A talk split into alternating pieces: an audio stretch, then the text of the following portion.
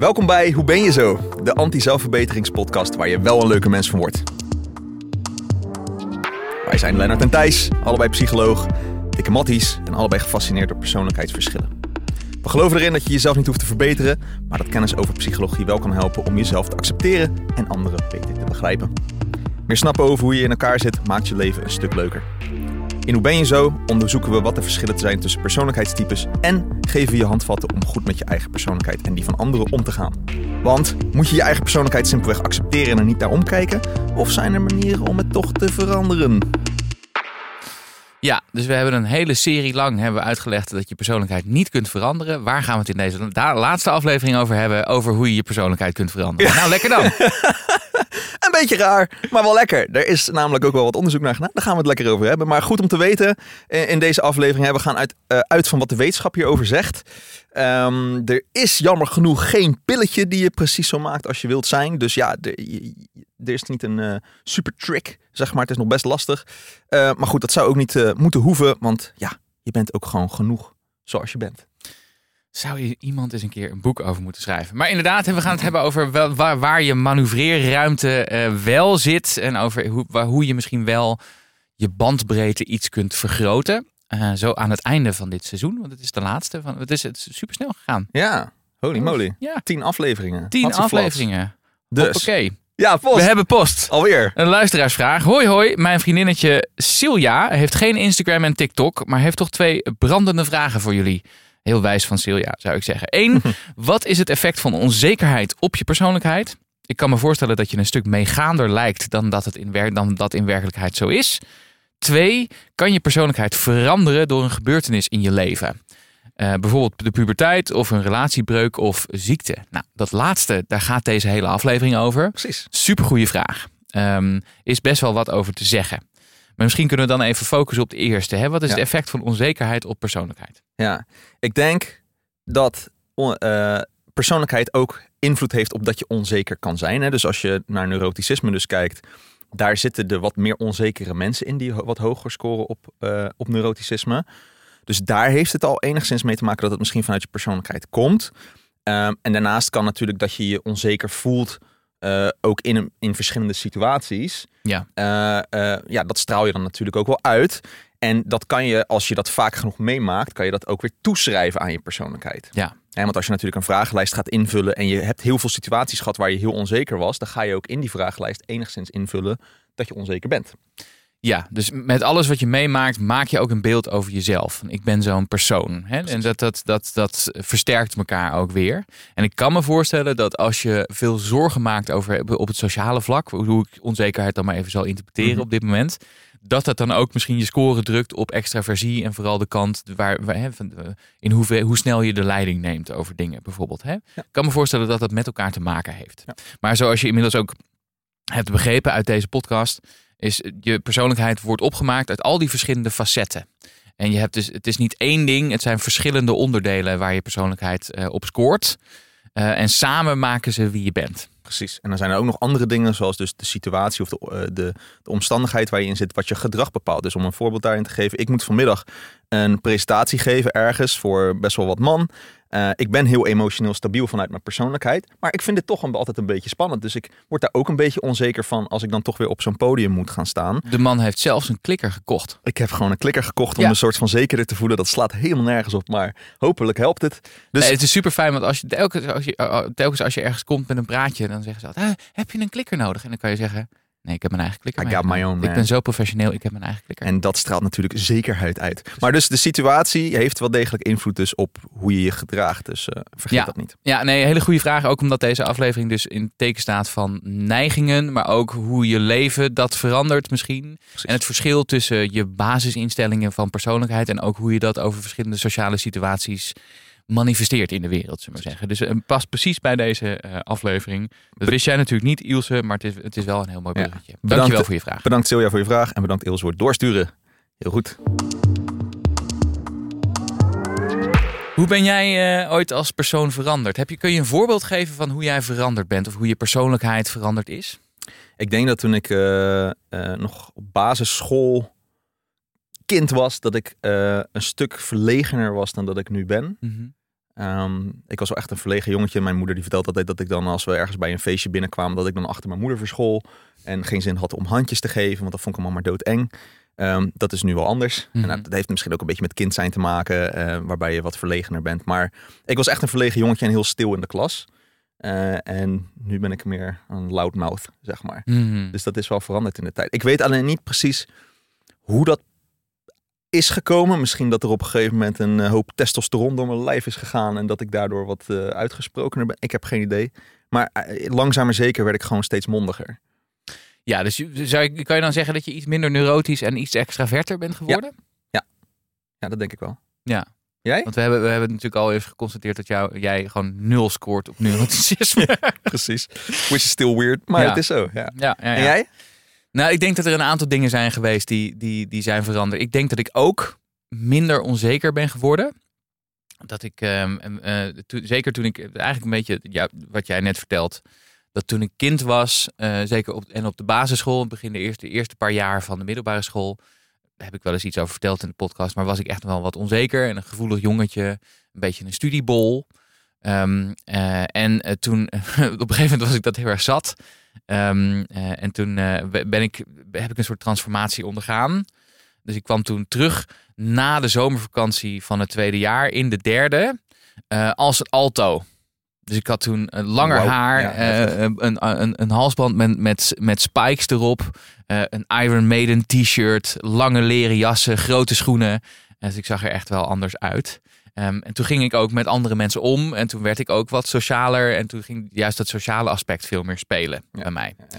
Dus waar ik dan vroeger veel meer in, die, in dat stuutje ding, hè, de, de, nerdkant zat, werd ik steeds meer een, een sociaal, eh, sociaal beest. Juist. Mooi. Ja. Je bent mooi opgedroogd, Thijs. Dank je, dank je wel, dank je, thanks. Ik, ik denk trouwens ook nu, nu ik het toch, als ik het toch over mezelf zit te vertellen, Ja, want tuurlijk. dat is eh, Ga door. fijn. Ehm, ik denk dat ik ook wat minder agreeable ben geworden. Oh. Eh, dus dat ik eh, vooral eh, vroeger geneigd was om, om heel erg met een beetje meegaand te zijn en mezelf mee te bewegen, om in het plaatje te passen. En vooral heel erg bezig te zijn met wat wil de ander en hoe kan ik daarin accommoderen. En dat ik toch ook, ik denk dat dat misschien ook wel met mijn ehm, eh, ondernemerschap te maken heeft. Dat je toch je eigen beslissingen moet nemen. Maar ik, maak me, ik, ik laat me gewoon wat minder zeggen wat ik moet doen door anderen. Ja. Dus bijvoorbeeld in een onderhandeling is dat best, ehm, is, nou ja goed, kan ik er best hard in Ga je gaan er wat stevig in? omdat ik denk, ja, dit wil ik en ik laat me niet vertellen wat, wat er moet gebeuren, zeg maar. Dus dat, eh, dat is wel echt ook veranderd. Voor mij is dat andersom. Ik ben denk ik wat meer agreeable geworden. Ik Ja? was veel meer star en, en meer op mezelf gericht. eh, Meer egoïstisch, denk ik. Ook zeker in mijn begin twintiger jaren. En steeds meer naar die agreeable kant. Iets meer socialer geworden, langzaam maar zeker. Ook door de studie psychologie, die ik wat later deed. Eh, maar ook door eh, de kinderen die ik heb, wat ik ook in de vorige aflevering al vertelde. Ja, Ja. ja dat, dat is zo'n zo'n marker in je leven die, kan ik me voorstellen, ook wel iets doet met je persoonlijkheid. Exactly. Laat dat nou net hetgene zijn waar we het vandaag over gaan Ja. hebben. Jij, jij wil het hebben over veranderbaarheid van persoonlijkheid en over het verschil tussen temperament en persoonlijkheid. Zeg Yes. er eens wat over. Ja, dus eh, eh, lekker een beetje chronologisch beginnen. Als je net geboren bent, dan hebben we het niet over persoonlijkheid die je dan bezit, maar hebben we het over temperament in de wetenschappelijke literatuur. Eh, en eh, nou, dat is eigenlijk dus voornamelijk genetisch bepaald, plus wat er tijdens de zwangerschap gebeurt. Hmm. Dus het is voor een groot deel nature. Eh, en vanuit die zwangerschap, ja, mocht er daar bijvoorbeeld iets raars gebeuren, of dan, dan heeft dat invloed. Of je moeder heeft heel veel stress gehad tijdens de zwangerschap, dan heeft dat invloed ook op hoe jij Ja, de daaruit komt. pre, post en perinatale factoren. Precies, mooi gezegd. Ehm, en eigenlijk komen dus vanaf dat punt komen er steeds meer nurture dingen natuurlijk bij. Je sociale omgeving, je peers, je, de cultuur enzovoorts.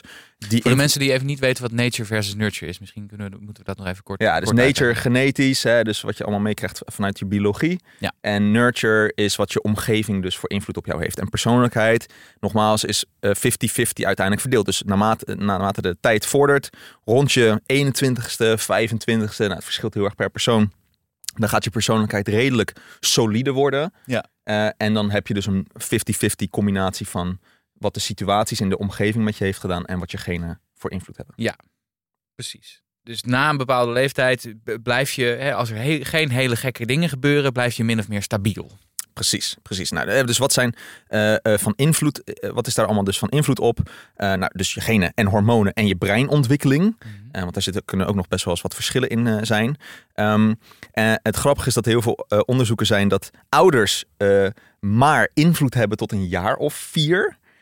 want daarna gaan kinderen vooral met hun leeftijdsgenootjes die worden dan heel erg de invloed zeg maar, in hoe ze zich verder ontwikkelen in hun persoonlijkheid.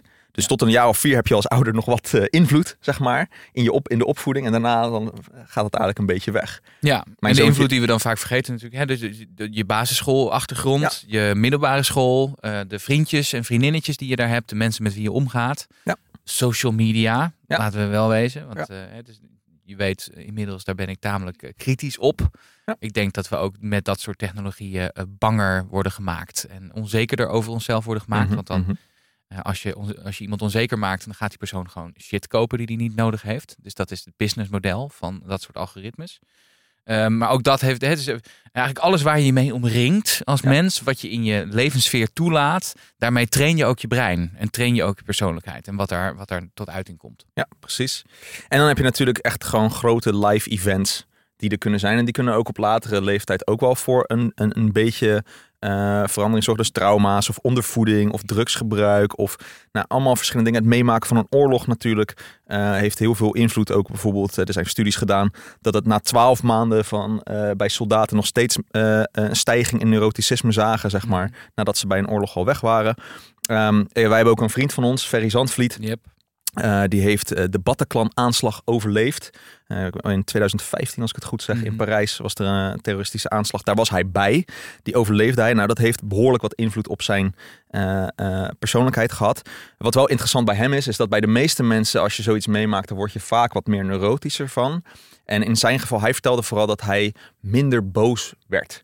Uh, dus hij, hij, voelde zich, hij was daarvoor een heel boos mannetje, vertelt hij ook in zijn boek. Mhm. Kan je lezen. Mm even kijken, de Souvenirs heet zijn boek. Ja. Um, en daar vertelt hij ook in van dat hij eigenlijk een, een, boos, vervelend ventje was. En dat eigenlijk ook werd hij steeds minder uitgenodigd op feestjes.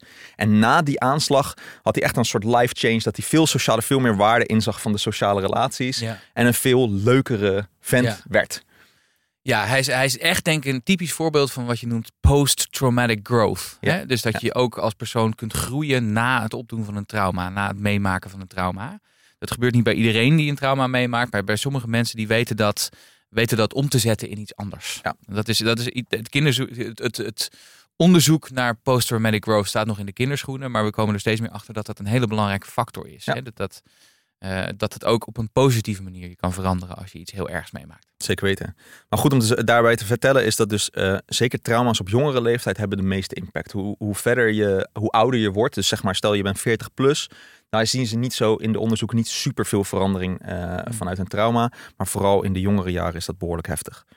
Um, en er gebeurt ook iets in uh, gewoon je, de, de, naarmate je dus ouder wordt, verandert je persoonlijkheid ook gewoon op basis van je leeftijd. Ja. Um, en ook, dat heeft ook waarschijnlijk met hormonen te maken. Uh, maar we zien dus bijvoorbeeld uh, in de puberteit heel erg dat conscientieusheid en agreeableness flink omlaag gaat. Mm -hmm. uh, dus ja, minder ordelijk, een beetje rotzooierig zoals je pubers misschien een beetje kent. En ook een beetje tegendraads, dus minder agreeable. dat krikt daarna weer op um, en, en, en wordt steeds wat hoger naarmate mensen ouder worden. En je ziet ook dat vandaar dat bijvoorbeeld ook veel jonge mannen in de gevangenis komen. Want agreeableness is dan ook echt op zijn laagste punt. Ja. Uh, rond de 20, 18 jaar, zeg maar. Um, en, dus dan gaan, en het risicogedrag wat ze willen nemen is ook op een heel hoog punt. Want het ja. testosterongehalte is best hoog uh, dan. Ja, echt op wordt het dus wordt het aannemelijker dat je geweld gebruikt. En als je geweld gebruikt, dan wordt de kans hoger dat je in de gevangenis belandt. Ja, dus er wordt nog wel eens, er wordt wel eens gesproken over uh, moeten we die, uh, die jonge mensen die dus dan uh, zo'n zo'n misdaad plegen, die moeten we lang genoeg in de gevangenis houden tot hun agreeableness weer wat omhoog is gekrikt. En dan kan je ze weer vrij laten in de samenleving. Dat is natuurlijk een beetje een raar idee. Maar goed, dan zouden ze wat relaxter of allemaal aan een, zijn. een oxytocine neusspray misschien wel. Who knows? Oxytocine is een stressverlagend hormoon.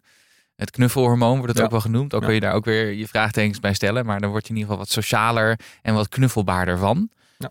Uh, maar goed, leg dat die jongens maar eens uit. Precies. Precies. Nou, en dan verder bij ouder worden, daar verschuiven we op de Big Five allemaal beetje bij beetje. Ja, want misschien is het handig als we dan gewoon die, hè, eh, per factor even kijken hoe we daarop verschuiven. Want dat zijn wel interessante dingen die ook wel te herleiden zijn naar hoe ons leven over het algemeen loopt. Hè? Dus eh, we worden, we worden bijvoorbeeld eh, steeds ehm, eh, emotioneel stabieler en dus minder neurotisch.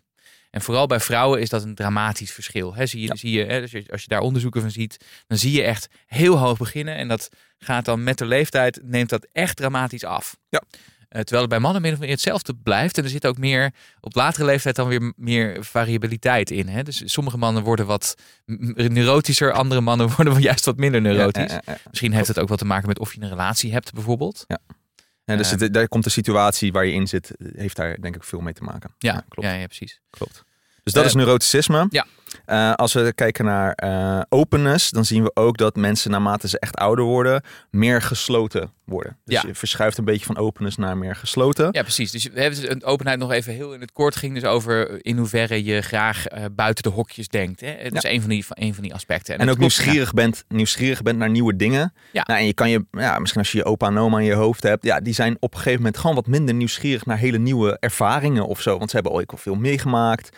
Eh, eh, je ziet ook bij ouderen dat natuurlijk de, de technologische vernieuwingen, dat ze dat minder boeit en ze daardoor ook minder makkelijk daarin meekomen. Ik pro probeer al een paar jaar heel voorzichtig mijn oma aan een iPad te krijgen. Maar die Nee. gaat er niet in. Nee. Nee. het gaat er niet in. Dat is Ik had een hele- keuze is gemaakt. Ik had een hele open opa die als eerste was eh, in onze familie die een iPad had, Ja. zeg maar. Dus dat, er zijn ook extreme gevallen daar. Hè? Ja, maar je wordt dus langzamerhand een beetje conservatiever. Juist. Eigenlijk. Hè? En Ja. Je wil gewoon weten nou, waar je aan toe bent, hoe je wereld eruit ziet. En je vindt, bent wat, meer op, wat minder op zoek naar nieuwe impulsen daarin. Omdat het ook wel prettig is om gewoon te weten waar je aan toe bent. Exactly.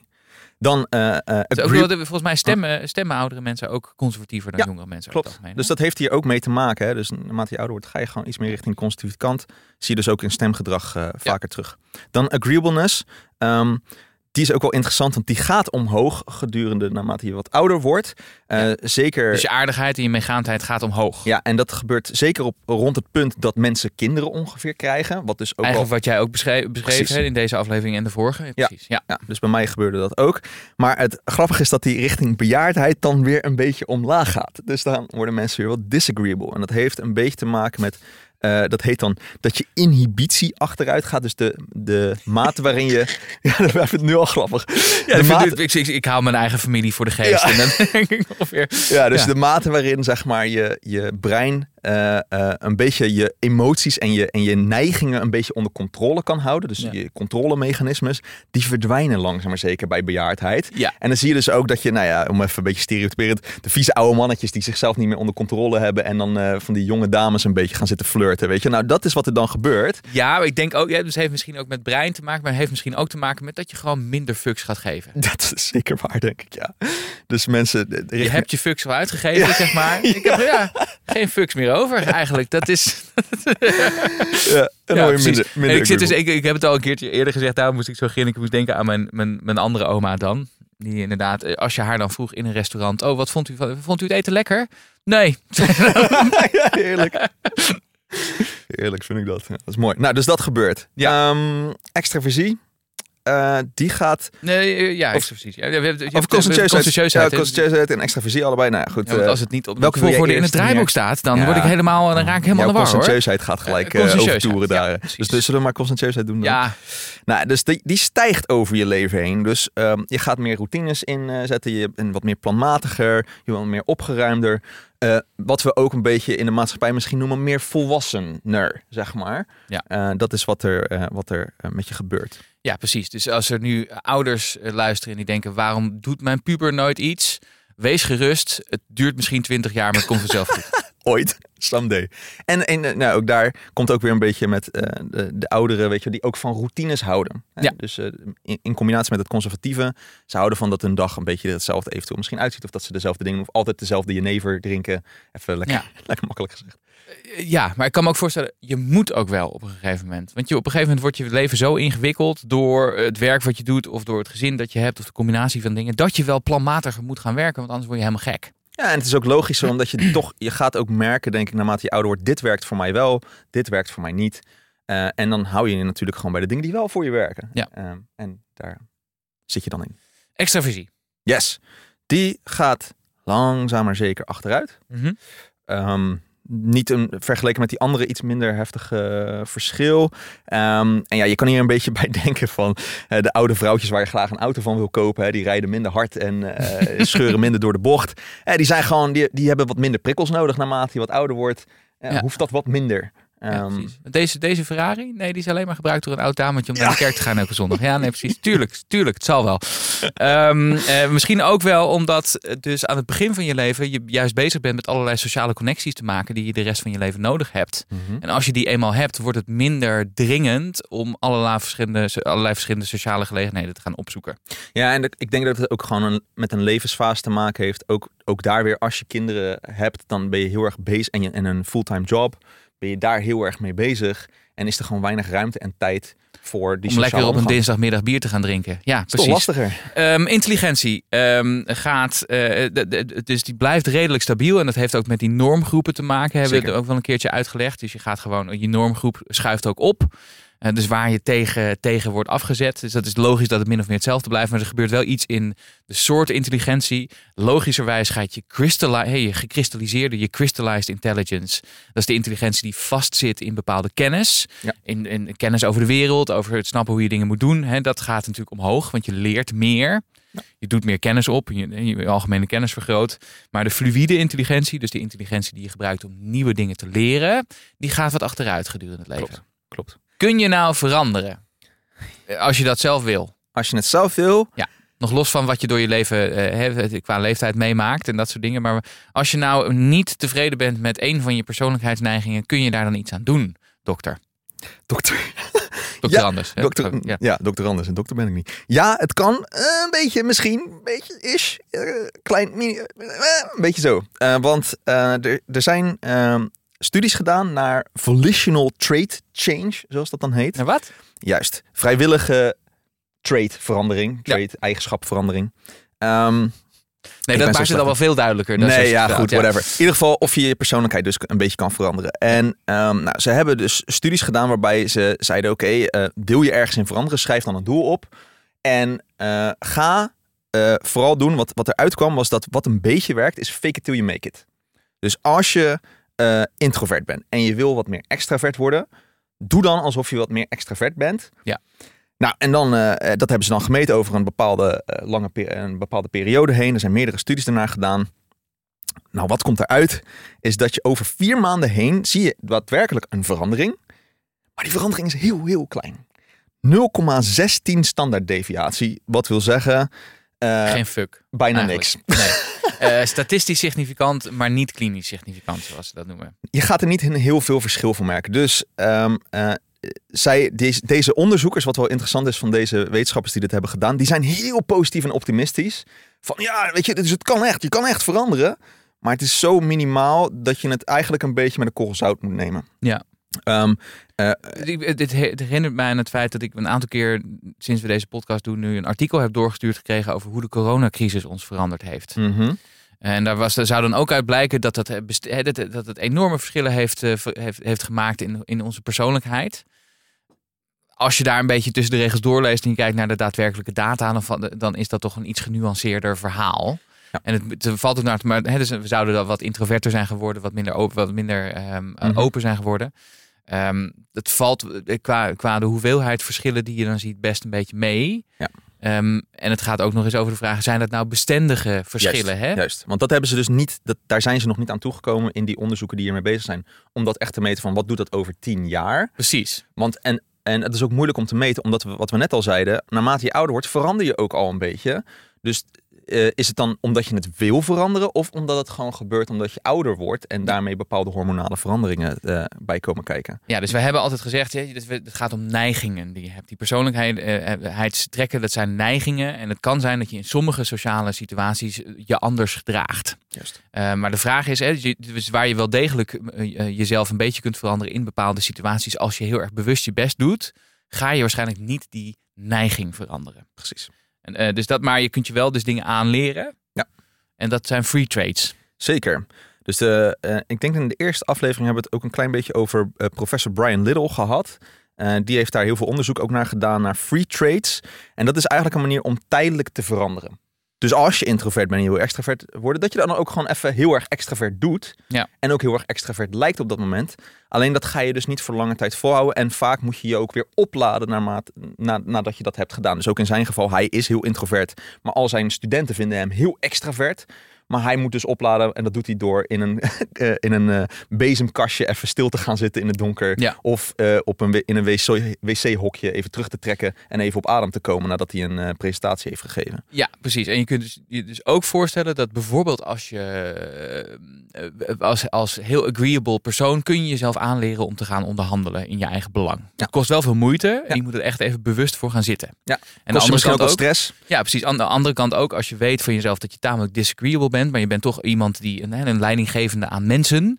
ehm, dan kun je je ook aanleren door heel bewust even wat tijd te nemen om ook even te vragen hoe gaat het nou met jou, waar loop jij tegenaan. Maar dat, dat zijn allemaal hele bewuste stappen die je daarvoor moet zetten. Zeker. Dat zijn die free trades. Ja, zeker. Dus daar, daarmee kan je dus wel echt jezelf echt voordoen als een ander. Je kan dus wel echt verschuiven even tijdelijk op dat ding. Ja. Maar het gaat niet eh, bestendig zijn voor de langere tijd. En ik denk ook gewoon goed om erbij te zeggen, als je in de media of ergens anders van die wetenschappelijke eh, dingetjes voorbij ziet komen van ja, je kan jezelf dus helemaal veranderen vanuit die goeroes. Neem dat echt wel met een grote korrel zout. Want, en, en kijk eventueel naar de data die erachter ligt. Want dat zijn dus misschien maar hele kleine mini-verschilletjes die er komen. Eh, en niet zo groot als dat ze doen voorkomen. Ja.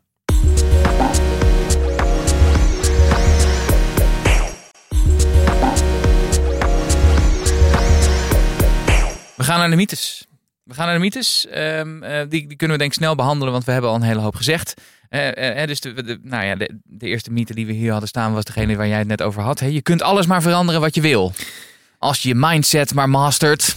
Nou ja, alleen tijdelijk dan met die, in de vorm van die free trades. Maar niet op de lange termijn. En het gaat je ook, ja, je hebt veel oplaadtijd nodig om, om daar dan weer, weer terug te komen Ja. naar je baseline, zeg maar. Dus wees een beetje ehm, voorzichtig met mensen die zeggen dat je je hele persoonlijkheid kan veranderen. En het lukt als je maar wil. Want dat is vaak bullshit. Precies. En persoonlijkheid is flexibel. Nou, dat is een beetje in dezelfde lijn. Hm, niet Ja, zo, het dus blijft persoonlijkheid zelf niet, maar je kunt jezelf dingen aanleren in specifieke situaties. Ja. Ehm, eh, en je kunt zijn wie je maar wil, of je kunt je voordoen zoals je maar wil zijn. eventjes, eh, maar dat hou je dus niet super lang vol. En het kan je dus ook best wel wat stress bezorgen als je dat eh, doet. Maar goed, Dus je hebt die basisinstellingen. Als je daar veel te ver buiten gaat, dan kost dat ook best wel stress. Ondanks dat er best wel iets mogelijk is als je heel erg je best doet. Maar die- je zult natuurlijk niet de hele tijd tegen de stroom inzwemmen. Want dat is niet te doen als mens. Dus dan moet je je moment kiezen. precies. En vergeet niet dat je naarmate je ouder wordt, dus dat wel degelijk een beetje verandert. Ja, want dat is denk ik ook wel een goede eh, als we het hebben over wat moet je met deze informatie. Hè? Dus eh, eh, wat is de relevantie voor het dagelijks leven? Wat, wat moeten we hiermee? Nou ja, het is goed om op te merken dus dat in leeftijden dus dat daadwerkelijk verschillen zijn. En dus dat je ook eh, meer begrip kan hebben voor als iemand van een hele andere leeftijdscategorie ook echt anders doet. En dat je denkt, nou waar slaat dat nou op? Waarom doet diegene nou zo? Eh, ik, ik heb me wel eens vroeger dat ik dacht van, nou ik snap die mensen niet die dan eh, bijna met pensioen zijn. En dan, eh, en dan dat alsnog nog vijf jaar duurt, maar dan gaan zitten aftellen tot hun pensioen er is. Ja. Eh, maar misschien op die leeftijd wordt dat ook gewoon ja, wat logischer dan als je natuurlijk net begint in je carrière en vijf jaar lang werken al heel erg lang vindt, zeg maar. Ja. Dus, dus je wil bij deze pleiten voor meer intergenerationeel begrip. Mooi gezegd, Thijs. Ja. Zeker weten. Dus, hè, dus ik moet ook wel nadenken aan dat ze ooit, ooit iemand tegen mij gezegd heeft. Een docent tegen mij gezegd heeft vroeger. Hè, van als, je, als je jong bent eh, eh, en je bent niet links, dan heb je geen hart. En als je oud bent en je bent niet rechts, dan heb je geen verstand. Ja. Ehm, nou zijn het eh, flinke tegenstellingen natuurlijk. maar, ehm, en toen dacht ik ook, ja, eh, nee, ik verander nooit in hoe ik nu naar de wereld kijk. Toch wel enige nuance ingekomen, Precies. kan ik je vertellen. Precies, precies. Dat langharig tuig dat ik toen was. Ehm, ja, eh, dus, dus dat is goed om te, Ja, en te voor, beseffen. En, ja. en, ja, en dat je dus wel iets aan je bandbreedte kunt doen. Ehm, maar slightly. ja, slightly. eh, dus dat, wanneer dat nuttig is in bepaalde specifieke situaties, ondanks dat het heel veel, hè, dat het een investering aan tijd en energie kost. Dus de vraag is, is dat de investering waard? Of kun je beter play to your strength? Wat natuurlijk is geweest waar wij in, de, in, de, in ieder geval dit seizoen wel de hele, de hele tijd op gehamerd hebben. Hè? Precies. Je maar beter accepteren wie je wel bent dan proberen iemand te zijn die je niet bent. En wees dus ook, hè, dus dat is een beetje onze algehele seizoensconclusie, denk ik wel. Hè. Eh, accepteer wie je nu bent. Eh, begrijp je persoonlijkheden, eh, je persoonlijkheid goed. Begrijp ook die van anderen. Dat helpt, denk ik, ook in de relatie met die anderen. Ja. Snap dat er verschillen zijn, maar dat die verschillen heel moeilijk veranderbaar zijn. Ja. Eh, bijna eigenlijk gewoon niet echt. Ehm, Eh, en ja, daar moeten we gewoon ook mee leren leven. En die verschillen moeten we ook, denk ik, omarmen. Want dat zijn gewoon hele fijne verschillen die er zijn. Het Ja. is fijn dat mensen verschillend zijn. Ja, en- dus wees, wees ook een beetje voorzichtig, een beetje achterdochtig naar mensen toe die gaan vertellen hoe jij zou moeten zijn. Of dat nou een goeroe is, of dat het een kerkvader is, of omdat dat het eh, iemand uit je familie is, of dat het je partner is. Ehm, want veranderen is gewoon moeilijker dan je denkt. En de vraag is of je daarop moet in gaan zetten. Exactly. Nou, Nou, dat. Dus. eh, ja. ja. nou goed, dan zijn we aan, soort van aan het eind van dit seizoen gekomen. Opeens zo. Hè? Het, was een, het was een avontuur. Ja. Het was een avontuur. Wat, heb, heb jij nog iets geleerd? Ehm, nou, ik heb wel geleerd. Ik, we hebben heel veel vragen gekregen. En dus wat, wat mij opviel, was dat het best wel veel mensen. dat mensen dit interessant onderwerp vinden. Eh, eh, wij vinden het heel interessant, maar dat betekent natuurlijk niet dat iedereen dat vindt. Maar er zijn echt wel veel mensen die het interessant hebben gevonden. Veel Ja, vragen is hebben gesteld. daar, en we zijn allebei een beetje overweldigd geweest door de hoeveelheid vragen en de hoeveelheid mensen die, die daar iets over zeiden. En zeiden, nou snap ik een beetje beter van, eh, iets, iets van mezelf en Ja. zo. Wat wij natuurlijk, dat was precies waarom we het wilden doen. En wat Ja. de opzet was van dit, eh, van, van, en is van deze podcast. Mission accomplished. Dus dat, eh, daar, daar zijn we heel erg blij mee. En het blijkt ook maar weer uit dat we toch wel op zoek zijn naar duiding van wie we zijn ten opzichte van anderen. Ja. En ook dat het helpt om de woorden te hebben eh, om je ervaring beter te duiden. En Zeker. dat het ook gewoon helpt in accepteren wie je bent. Eh, dus dat vind ik eh, ongelooflijk tof dat dat, eh, dat dat ook gebeurt Ja, met deze cool. podcast. Ja, dat is echt cool. Ja, ja. En dus dat, dat, dat is, ook, is ook wel echt mijn, mijn inzicht aan, aan de hand van deze podcast. En ik vond deze had je erbij gezet, vond ik wel mooi. Hè? Van, voor nu kun je beter tevreden zijn met wie je bent in al je complexiteit, die veel verder reikt dan wij in een podcast ooit kunnen beschrijven. Zeker weten. Vond ik wel een Ehm, Heb ik dat geschreven? Wat goed van mij. ja, ik heb het niet geschreven. Ja, dat heb ik dan gedaan al, ja. Misschien ja. waren het de mensen ik het eh, denk- die achter de schermen meewerken. I met think deze I draaiboeken, die we natuurlijk ook nog even moeten bedanken, laten we wel ja, wezen. ja, ja, voor dit, eh, hun prachtige werk aan dit seizoen. Namelijk eh, Suzanne Jutschel en Femke Veltenaar. Ja. Eh, en er zijn er ook nog een hele groep mensen die Lorian voor de Ja, socials. ja, dus eh, eh, die horen jullie natuurlijk nooit, maar die willen we wel graag Ja, even eh, mensen van. Dag en Nacht Media zijn echt super lief geweest. Hebben ons super hard geholpen om dit echt een leuke podcast te maken. Zodat jullie er ook eh, een beetje van konden genieten. In plaats van heel erg lang naar ons gewauwel te luisteren. Want Als het aan ons had gelegen, hadden we elke aflevering anderhalf uur gedaan. Ja. Eh, met de nodige eh, eh, wetenschappelijke noten. Heel veel Eh, nerd- En dan had je, laten we eerlijk zijn, nooit geluisterd. Hoe gaan we, wat, wat gaan we, wat nu? Wat nu? Nou ja, er, wat zijn nu? ook, er zijn ook dus, eh, ik wil ook nog de vraagstellers eh, Oh ja. heel erg bedanken eh, voor al, alle moeite die jullie hebben genomen om jullie vragen op te stellen en naar ons toe te sturen. Ehm, eh, dus heel erg bedankt daarvoor. Ja, daar, daar willen we wel nog wat mee gaan ja. doen. Ja, dus misschien even goed om te zeggen. Hè, dus dit, was, dit is het einde van het seizoen. We zijn ons aan het beraden over wat we met een volgend seizoen gaan doen. We zijn daar nog niet helemaal uit. Dus-. Dun, dun, dun, dun. Eh, als je eh, de- wil, eh, op de hoogte gehouden wil worden, dan kun je gewoon via de socials je abonneren of via Spotify of een van die dingen je abonneren op de podcast. Het een beetje in de gaten houden. Maar we zijn nog wel aan het nadenken over een goede manier om nog wat vragen te beantwoorden. Want we vinden het ook belangrijk dat de vragen waar we niet aan toe kwamen, die wel heel goed waren, dat we die toch behandelen. Zeker weten. Dus hou, dat, hou ons daar ook voor in de gaten. Want dat ga, daar gaan we dus nog wat mee doen. Want we vinden het geweldig dat jullie zoveel vragen hebben gesteld. En Ja. zoveel opmerkingen hebben gemaakt. Ja, dus ook echt super bedankt voor Behalve de mensen die heel kritisch waren op TikTok. Die niet. Thijs. Thijs die vond dat een beetje... Jij vond het een beetje lastig, maar je bent er goed uitgekomen, toch denk ik? Ik ben er redelijk goed uitgekomen. ja, precies. In ieder geval echt, echt super, super, super bedankt voor, eh, voor het luisteren en jullie enthousiasme. Dat is, eh, doet ons heel veel goed. Ja. Eh, als je dus de podcast wil steunen en wil blijven volgen, eh, blijf ons dan ook volgen en abonneer je dan ook. Dan krijg je gewoon een berichtje wanneer we weer doorgaan. Ehm, eh, laat ook even wat weten, dan kunnen andere mensen het ook makkelijker vinden. Dat is fijn. Volg de social kanalen om ons in de gaten te houden.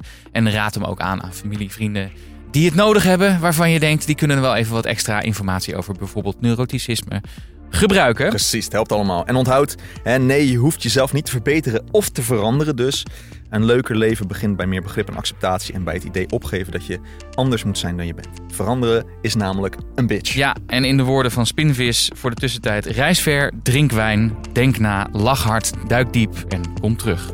Tot in het volgende seizoen. We'll be back.